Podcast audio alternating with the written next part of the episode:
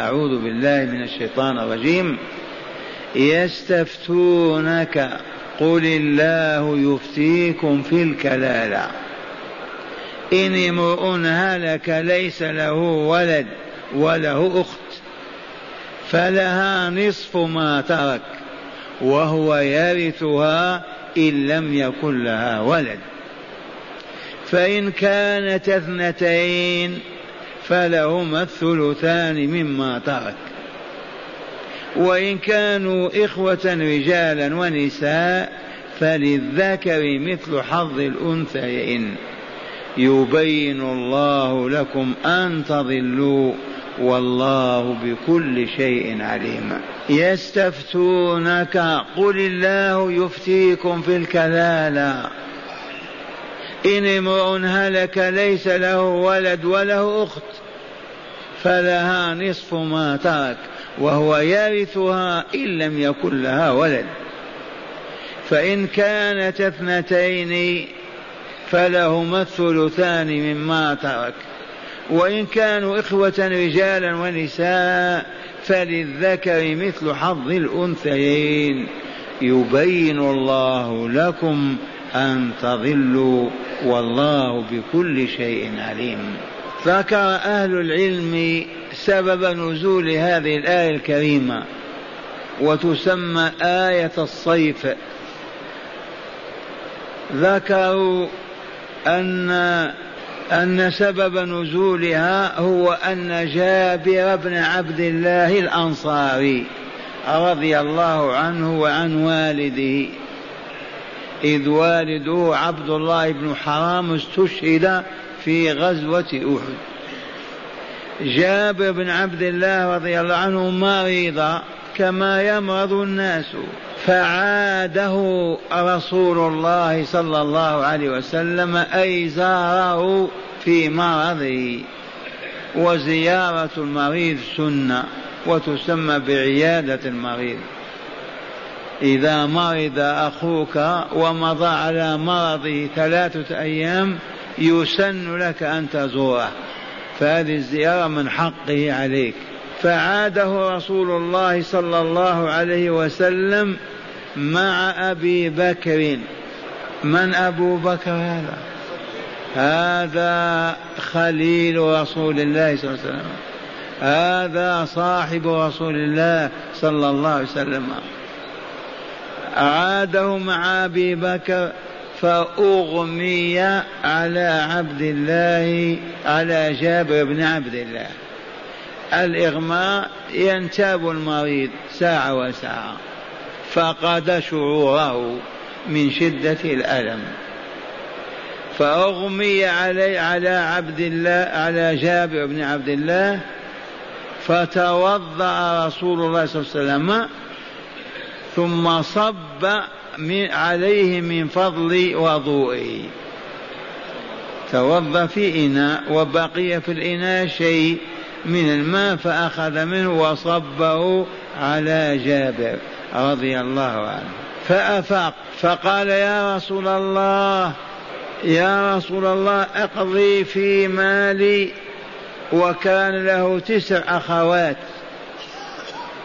أحكم يا رسول الله في مالي ماذا يحكم به فيه وله تسع أخوات فلم يرد عليه الرسول صلى الله عليه وسلم شيئا حتى نزلت هذه الآية. يستفتونك. اذا يستفتونك. يا رسولنا من الذي يستفتيه الآن هو جابر بن عبد الله. قل الله يفتيكم في الكلالة. الله الذي يفتيكم فيها. والكلالة تقدم نوع منها في أول السورة مع آيات الفرائض. وهذه الآية أيضا في الكلالة. الكلالة أن يموت إنسان ولم يترك ولد ولا ولد ولد ولا أب ولا جد. يرثه إخوته الذين يحوطون به كالإكليل. فإن كان إخوته من أمه فالأخ له السدس وإن كانوا اثنين فأكثر فلهم الثلث. وإن كان الإخوة من أب وأم أو من أب كهذه الآية. إن امرؤ إنسان ذكر أو أنثى هلك هلك يهلك إذا مات. كل من مات هلك. ليس له ولد ما له ولد. وليس له والد إذ لو كان له والد الوالد يرث ولده ما يرث معه أخ. لا ولد ولا والد ولا ولد ولد لأن ولد الولد يقوم مقام الولد مباشرة. ليس له ولد وله أخت من أبيه أو شقيقة. فما لها من تركة أخيها الذي توفي وما خلف ولد ولا ولد ولد ولا أب. ما لهذه الأخت فلها النصف. والنصف للعصبة. فلها النصف فرضا خاصا بها فلها نصف ما ترك وهو يرثها إن لم يكن لها ولد ولا ولد ولد. أخوها يرثها أيضا يرث مالها كله. إذا لم تترك ولدا ولا ولد ولد. وهو يرثها بشرط أن لم يكن لها ولد. هذه هي الأخت. فإن فرضنا أنهما أختان فإن كانتا اثنتين. مات إنسان وترك أختين له.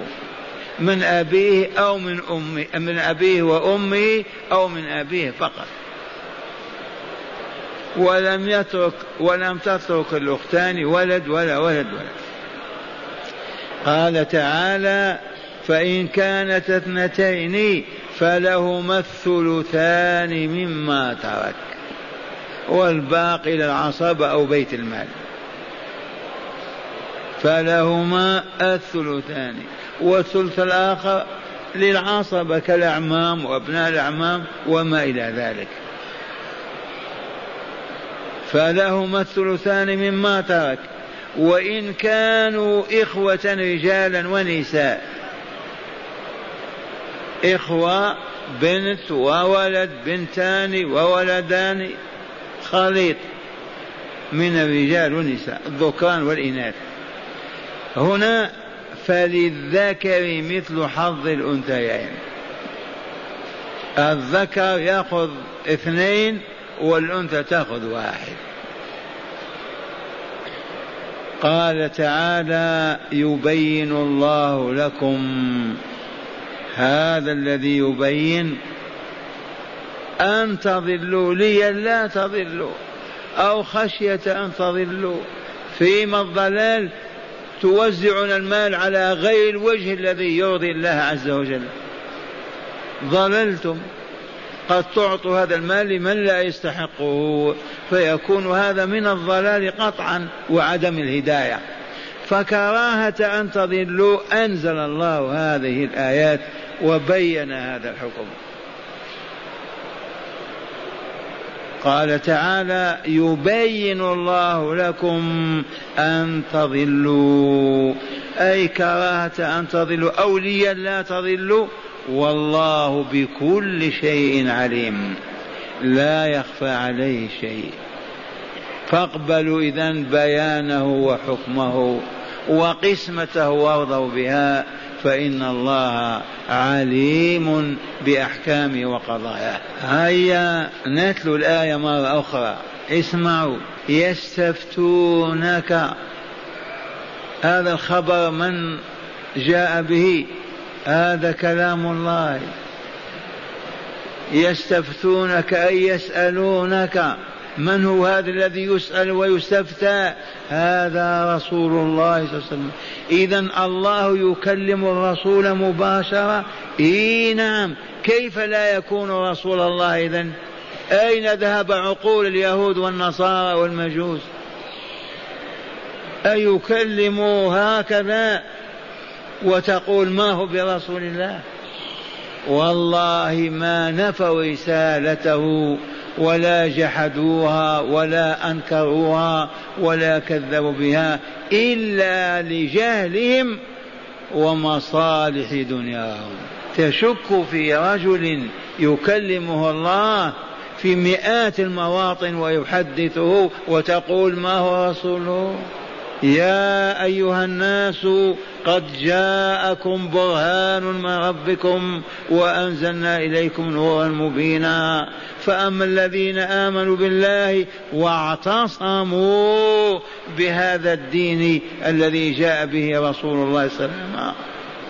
هؤلاء هم أهل الجنة ودار السلام أهل الإنعام الذي لا حد له في الملكوت الأعلى. ومن كفر وكذب وعاش على الشهوات والأهواء فمصيره معلوم.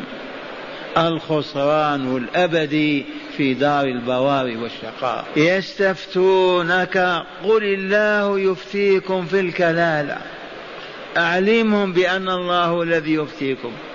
لأن الرسول ما عنده علم قبل أن يوحى إليه. أحالهم إلى الله.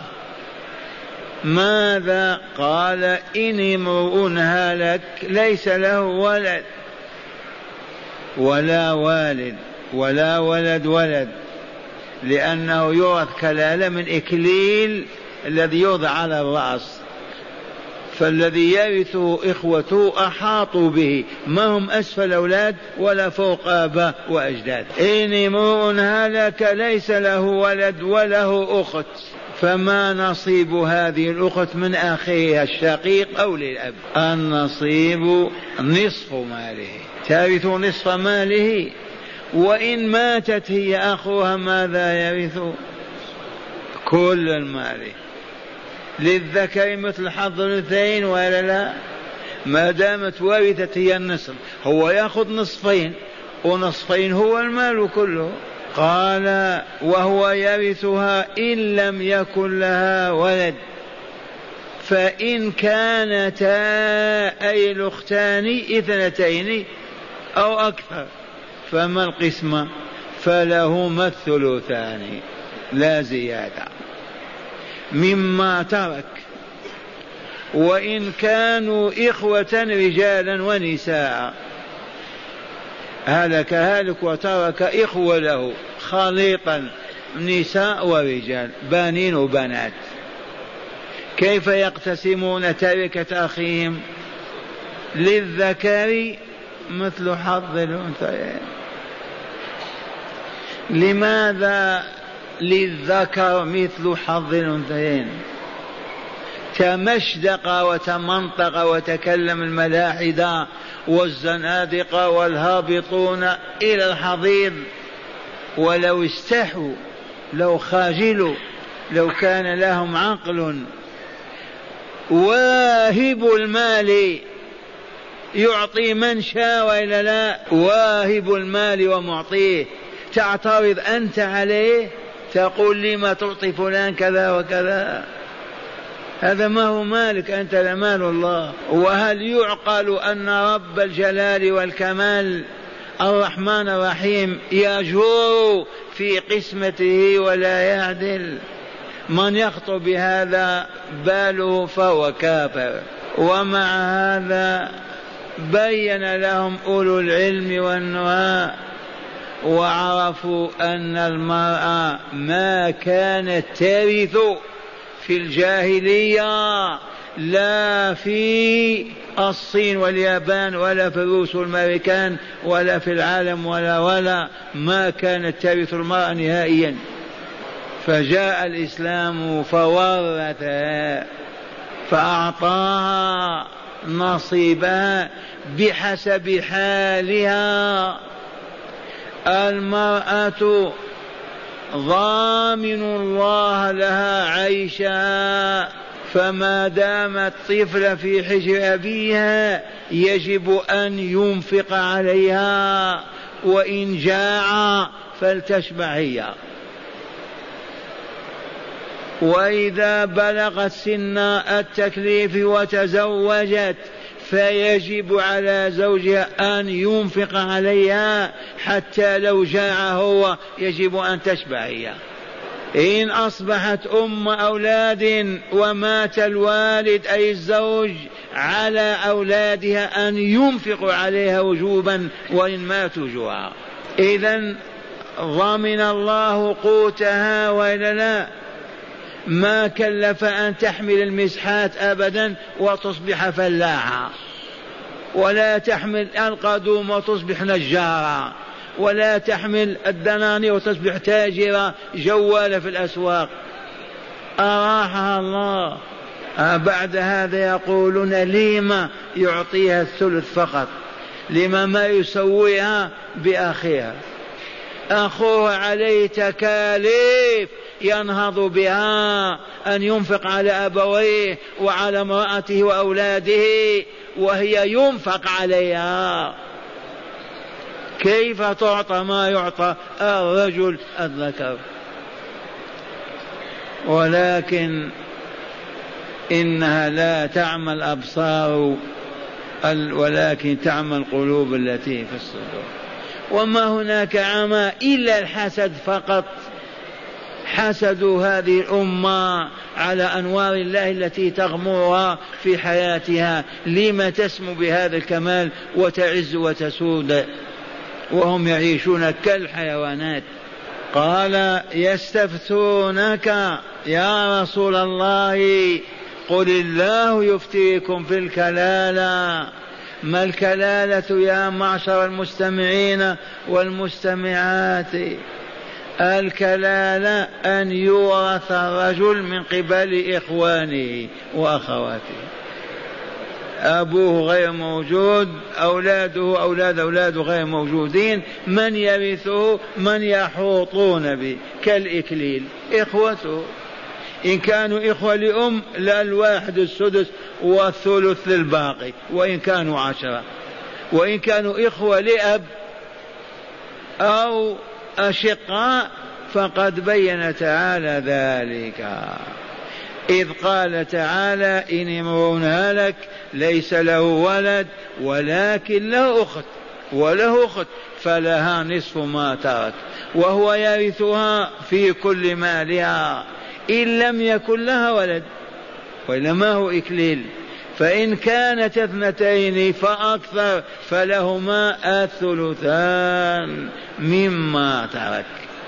وإن كانوا إخوة رجال ونساء فللذكر مثل حظ الأنثيين. الذي يقول لما ما سوى الله بين البنين والبنات أولا والله ما عرف الله ولا آمن به.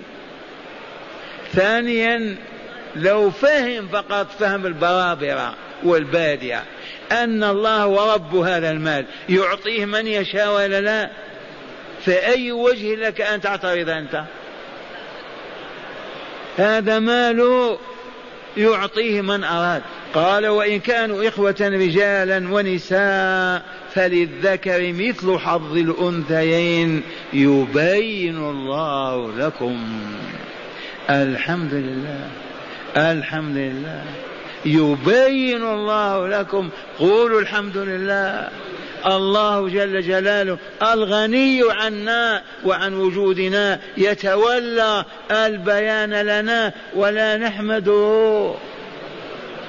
يبين الله لكم كراهة أن تضلوا فتهلكوا. ما يريد ضلالكم أبدا. يريد عدلكم وسموكم وكمالكم لأنه وليكم وأنتم أولياؤه.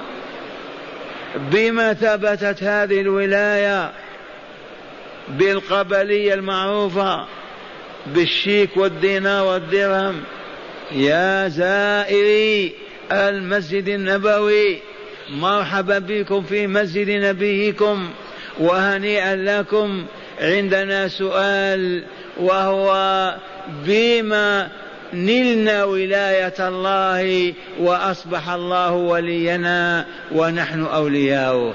قال أحد الأبناء باتباع سنة الرسول هذا فيه إجمال.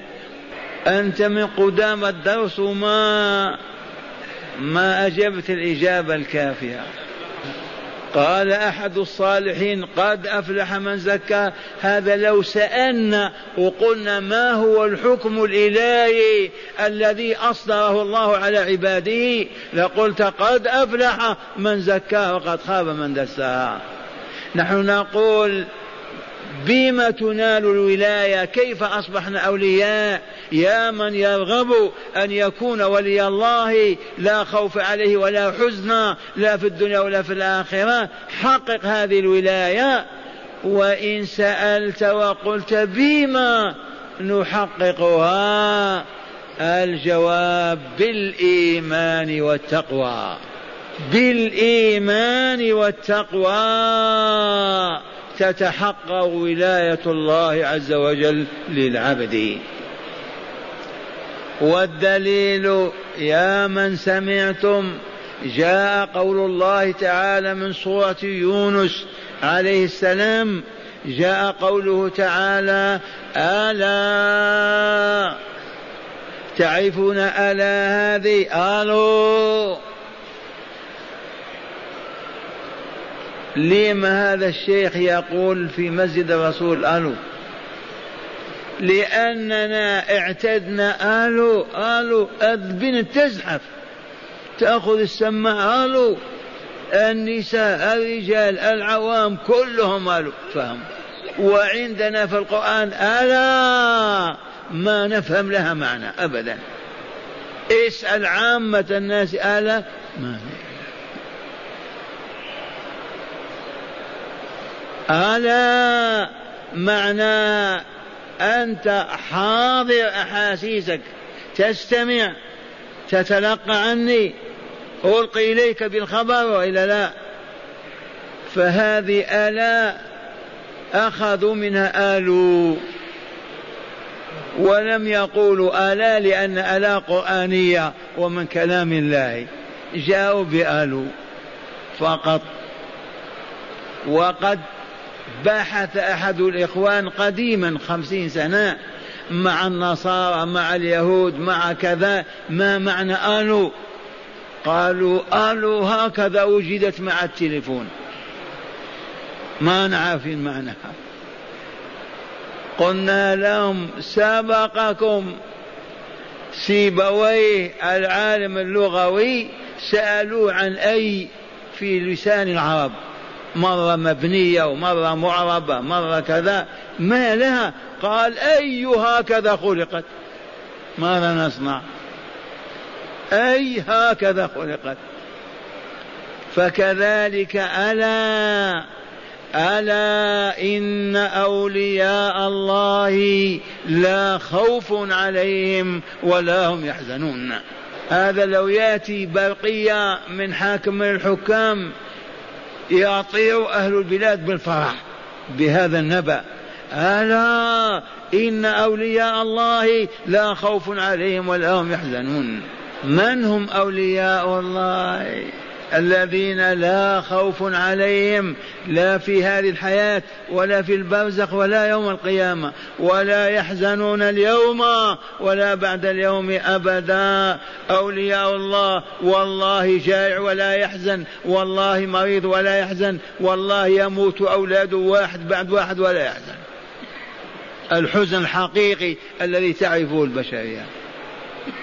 لا خوف عليهم ولا هم يحزنون. وكأن سائل يقول من هم يا ربي أولياؤك الذين لا خوف عليهم ولا هم يحزنون. بينهم لنا. فقال تعالى في الجواب الذين آمنوا وكانوا يتقون. فقط الذين آمنوا وكانوا يتقون. آمنوا بأي شيء؟ آمنوا بالله ربا وإلها وآمنوا برسله أنبياء ورسلا وآمنوا بكتبه وآمنوا بلقائه وآمنوا بكل ما أمرهم أن يؤمنوا به أطاقوه أو لم يطيقوه. آمنت بالله. وكانوا دائما وابدا يتقون. يتقون ماذا؟ يتقون غضب الرب وسخطه. بماذا يتقونه؟ بامتثال أوامره واجتناب نواهيه. الله يتقى بماذا؟ بالاصوار العالية. ما يمكن. تتقي الله تدخل في السراديب تحت الأرض. ما ينفع. لا يتقى الله عز وجل إلا بطاعته. فيما أمر به ونهى عنه. المأمور يفعل والمنهي يترك. بهذا يتقى الله. الذين آمنوا وكانوا يتقون. لهم البشرى في الحياة الدنيا وفي الآخرة. هذا خير عظيم ولا لا؟ بكم يقدر لهم البشرى الأخبار السارة المثلجة للصدر التي يتحول الوجه كأنه قمر من فرحه وسروره. البشرى في الحياة الدنيا اليوم وفي الآخرة. وفسر الحبيب صلى الله عليه وسلم لأصحابه وأمته البشرى ما هي هذه البشرى؟ فقال البشرى في الحياة الدنيا هي الرؤيا الصالحة. يراها العبد الصالح أو ترى له. هل فهمتم معشر الأبناء والإخوان؟ ما هذه البشرى العظيمة التي لهم من نصيبهم ومن حظهم؟ أعطاهم الله إياها. فسرها لنا رسول الله صلى الله عليه وسلم بأنها الرؤيا المنامة الرؤيا الصالحة يراها العبد الصالح أو ترى له والله لا تموتن يا ولي الله حتى تبشر. إما أن تراها أنت أو يراها عبد صالح ويقصه عليك ويقول رأيتك في كذا وكذا. لهم البشرى في الحياة الدنيا وأخرى أيضا عندما يكون الولي على سرير الموت في محط العناية كما يسمونها.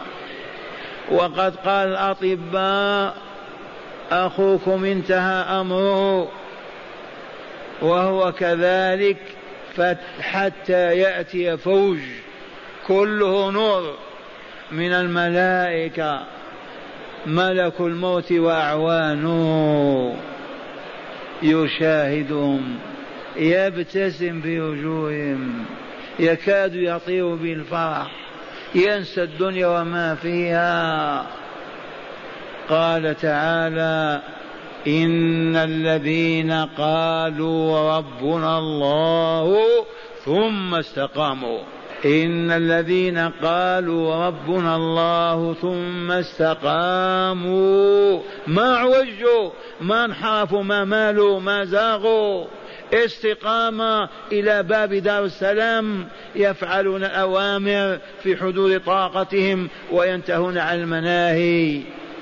ذي الاستقامة تتنزل عليهم الملائكة بماذا؟ ألا تخافوا ولا تحزنوا وأبشروا بالجنة التي كنتم توعدون. معشر المستمعين يا أهل هذه الحق المباركة أين أنتم؟ ما السر في هذا؟ ما السر في هذا الكمال والإسعاد ألا إنه طهارة أرواحهم وزكاة نفوس لأن فعل الأوامر آلى لتزكية النفس والله وتطهيرها أعظم من الماء والصابون للأبدان والأجسام. ولأن المنهيات أوساخ وأدران تلوث النفس البشرية فتحولها إلى عفن منتنة كأرواح الشياطين وهم قد تركوا المحرمات فأبعدوا أنفسهم عنها فبقي طهرها وصفاؤها فتأتي الملائكة وكأنهم جنس واحد يتكلمون معها ويتحدثون إليها ويبشرونها. طهارة الروح زكاة النفس هو الذي أهلهم لهذا الكمال. عرفتم أولياء الله؟ أعطيكم مسألة علمية أيها الزوار. لكن مع الأسف ما يبلغون. ما بلغنا أن زائرا فهم مسألة في المسجد النبوي وبلغها في بلاده. أبدا. اسمعوا. عاشت أمتنا قرونا. لا تعرف وليا من أولياء الله يمشي أبدا في الشارع ولا يبيع ويشتري في السوق ولا يفلح في الأرض وهو فل أبدا. ما نعرف ولي إلا الذي مات وبني على قبره قبة ووضع تابوت من خشب ووضع عليه الأزر الحريرية وأصبح يزار وتوضع النقود إلى جنبه وتوقد الشموع في قبره هذا الولي. سألوا العجائز عندكم. وحق سيدي عبد القادر. تباتم وحق سيدي مبروك. حق سيدي إدريس. حق مولاي كذا. ما فيه ولي حي. أبدا. لما يموت يعبد. وأقول هيا نمشي إلى قرية من القرى. عرب وعجم. على شرط ما يكون بلغهم هذا الكلام. وندخل على القرية ونلقى أول رجل. نقول له يا سيد أنا جئت من بلاد بعيدة. أريد أن أزور وليا من أولياء هذه البلاد. دلني عليه. والله ما يأتي بك إلا إلى ضريح ولا يفهم أن في القرية ولي بين الناس. ومن أراد أن يجرب يجرب. قبل ما قلنا هذا. والله لو تدخل إلى القاهرة المعزية وتقول أنا الآن نزلت من الباخرة أو من الطائرة. جئت فقط لزيارة ولي من أولياء هذه البلاد. فدلني يا فلان يا سيد والله ما ياخذ بيدك إلا إلى ضريح والملايين في السوق ما فيهم ولي. فهمتم هذه ولا لا؟ فما هو السر؟ كيف تم هذا لأن العدو الثالوث الأسود. المكون من المجوسية واليهودية والصليبية. عزموا على إطفاء نور الله من قلوب الناس وإبعادهم عن رحمة الله. لما يفوز المسلمون بدار السلام؟ لما يفوزون بالطهر والسلام؟ لما يفوزون بالعز والكرامة؟ ونحن نعيش كالبهائم. يجب أن نسوي بيننا وبينهم. لما يفضلوننا؟ إذا احتالوا على المسلمين وحصروا الولاية في الموتى. ومن ثم الرجل المسلم في القرية في المدينة يزني بامرأة مسلم. والله العظيم. يزني ببنت مسلم. مسلم في القرية يسرق مال مسلم. مسلم في القرية يسب آخر ويفلق رأسه لأجل كلمة قالها. لا طهر ولا أمن ولا صفا. لأنهم ما عرفوا أنهم أولياء الله وأن الله يقول من آذى لي وليا فقد آذنته بالحرب. يدلك على أن الولي الميت ترتعد فرائصهم عند زيارته. ما يستطيعون يقول كلمة سوء.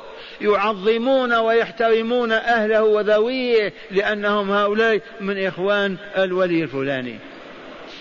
وأما عامة المسلمين أفشوا بنسائهم أسرق أموالهم سب اشتم ما تخاف ما هم أولياء الله. هل فهمتم هذه ولا لا؟ بهذه الأذن سمعت في القرية مجموعة من الرجال يتحدثون كما تتحدث عوام الناس. قالوا فلان كان إذا زنى لا يمر بسيد فلان. يمر من جهة أخرى في القرية حتى لا يمر بالولي وهو ملطخ بالزنا. فهمتم هذه ولا لا؟ يخون أخاه المؤمن في أهله ويفجر هكذا عن طاعة ربه ويزني وقد حرم مولاه الزنا ولا يبالي بالله ولا بشيء ويخاف أن يمر على ضريح فلان. ذي مفسر ولا ما تفهمون. ألا إن أولياء الله لا خوف عليهم ولا هم يحزنون. من هم يا رب أولياؤك؟ عبد القادر الجيلاني البدوي عيدروس قولوا اكذبوا على الله. من هم أولياؤك؟ المؤمنون المتقون. فلا يحل لك أن تنظر بنظرة شزرة في وجه هذا المؤمن التقي. حرام أن تقول في كلمة واحدة تزعجه. حرام أن تنال منه ولو لطم بإصبعك ولو فلس من, من دينار ودرهمه. فكيف تزني بامرأته أو تفجر بابنته؟ لكن فعل بنا هذا الأعداء ومددنا أعناقنا وسكتنا. ما سر هذا الجهل؟ من جهلنا؟ هم حملونا على أن نبعد من كتاب الله وسنة رسوله صلى الله عليه وسلم. هذه الأمة لن تعلم إلا إذا كانت كل ليلة تجتمع في بيوت ربها. بنسائها وأطفالها ورجالها في قراها ومدنها وطول العمر تشتغل من صلاة الصبح إلى غروب الشمس في دنياها. أما هذا الوقت وقت التلقي للكتاب والحكمة وتزكية النفس البشرية يجب أن يكون في بيوت الله. كما كان على عهد رسول الله. كان أبو بكر وعمر يتناوبان هذه الجلسة. ونحن أبعدون عن القرآن بالمرة وحولوه إلى الموتى. فمتنا. ذهب النور. حتى كرامة المؤمن وولايته حصل الولاية في الأموات فقط. الأحياء ما فيهم ولي. افعل بهم ما شئت. وما أفقنا إلى الآن. إلى الآن ما عرفنا. دويلاتنا عشرات. مذاهبنا كذا.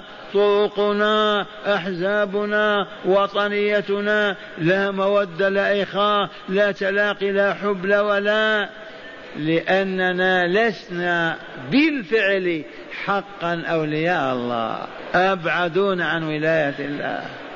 نقول إنا لله وإنا إليه راجعون للعزاء نتعزى. لكن باب الله مفتوح من أراد أن يحقق الولاية والله للباب مفتوح. من الآن يعزم على أن يعرف الله معرفة حقيقية ويؤمن الإيمان الصحيح كما هو في كتاب الله وهدي رسوله صلى الله عليه وسلم ويمتثل الأوامر ويجتنب النواهي ولا هم له إلا رضا ربه هو ولي الله. لو رفع يديه وسأل مولاه شيئا لا أعطاه إياه. هذه آخر آية من سورة النساء. هيا أسمعكم تلاوتها وتأملوا حكمها. يستفتونك قل الله يفتيكم في الكلالة. إن امرؤ هلك ليس له ولد وله أخت فلها نصف ما ترك وهو يرثها إن لم يكن لها ولد. فإن كانت اثنتين فلهما الثلثان مما ترك. وإن كانوا إخوة رجالا ونساء فللذكر مثل حظ الأنثيين. يبين الله لكم أن تضلوا والله بكل شيء عليم. من هداية الآية الكريمة. قال أولا جواز سؤال من لا يعلم من يعلم بل وجوب سؤال من لا يعلم من يعلم. أما قال تعالى يستفتونك وإلا سألوه وإلا جابر سأل.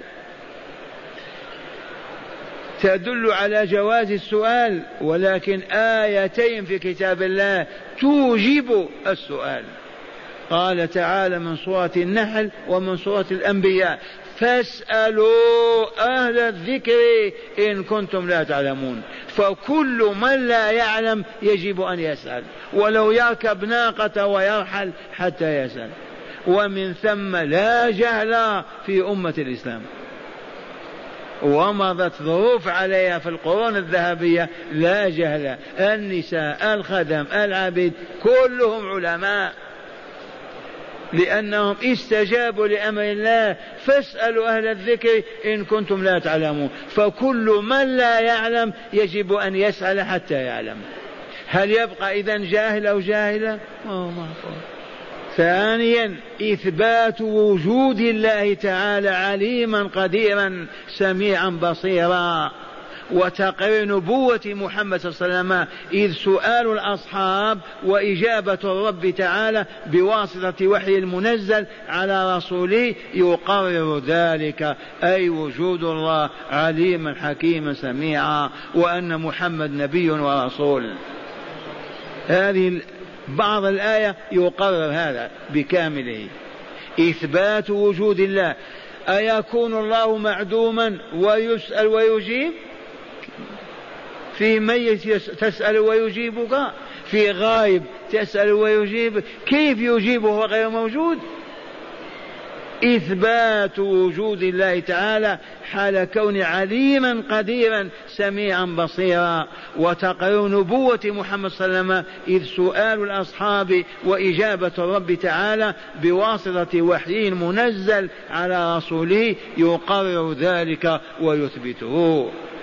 ثالثا بيان قسمة تركة من يورث كلالة من رجل أو امرأة. فالأخت الواحدة لها من أخيها نصف ما ترك والأختان لهما الثلثان والإخوة مع الأخوات للذكر مثل حظ الأنثيين.